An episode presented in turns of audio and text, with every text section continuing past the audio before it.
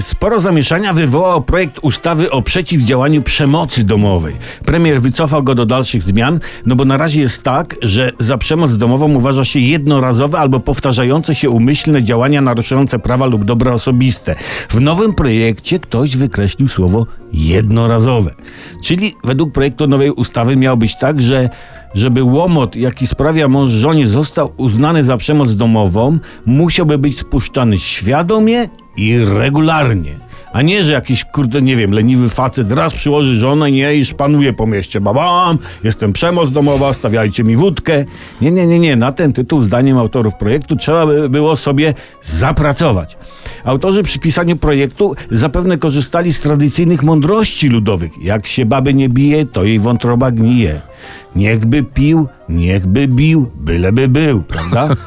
Od, no to jest takie powiedzenie. Oczywiście, przystosowując te mądrości do wymagających czasów współczesnych i pewnej, no często źle rozumianej poprawności politycznej poprzez lekkie ich złagodzenie, prawda? Podnosząc kryteria przemocy do bicia ponad jednorazowego.